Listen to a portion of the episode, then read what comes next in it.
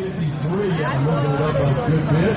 Uh, but here, now, let's watch Helen as she approaches the ramp on Jeg var til et internationalt stævne i USA, og øh, jeg førte konkurrencen, og det, jeg havde et rigtig, rigtig godt hop. Lige, lige landingen, der vrider jeg i mit knæ, og jeg kunne godt mærke, at det var, det var ret skidt. Så fik jeg en MR-scanning, og øh, den viste, at mit korsbånd var reddet over, og jeg havde to seriøse skader på menisken. Så jeg var godt klar over, at der ville være lang vej igen. God morgen, Maj. Nå, frisk. Nogle gange så kan det tage helt op til et år for en skade at øh, hele op og være klar til at blive belastet fuldt igen. Så er det vigtigt at øh, lave en god plan for genoptræning efter en skade eller eventuel operation. Her igen.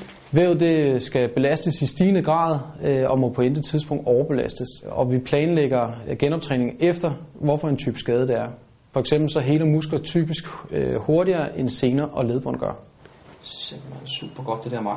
Det gik langsomt de første par måneder, øh, men da jeg nåede det punkt, hvor jeg kunne sidde på en cykel og træde rundt, der var det en stor sejr for mig. Jeg synes den sidste uge, der jeg sådan kunne mærke, at der er det der er jeg begyndt meget nemmere at kunne komme op og, og bøje omkring 90. Det gjorde, at jeg kunne føle, at jeg kunne udføre et stykke arbejde, og øh, jeg kunne komme fra A til B, og det betyder meget for mig at have den frihed. Det er vigtigt at have positiv fokus og nyde de små sejre undervejs. Det er en god idé at føre træningsdagbog, så man kan følge træningshistorikken. Det giver et godt overblik og mulighed for at øh, justere løbende undervejs. Særligt i starten er det vigtigt, at der ikke kommer for meget hævelse og smerte, da det kan hindre den optimale træningseffekt. Det er derfor en god idé at træne med korte intervaller og flere pauser. Træn heller med øvelser fordelt hen over dagen frem for et stort træningspas en gang om dagen.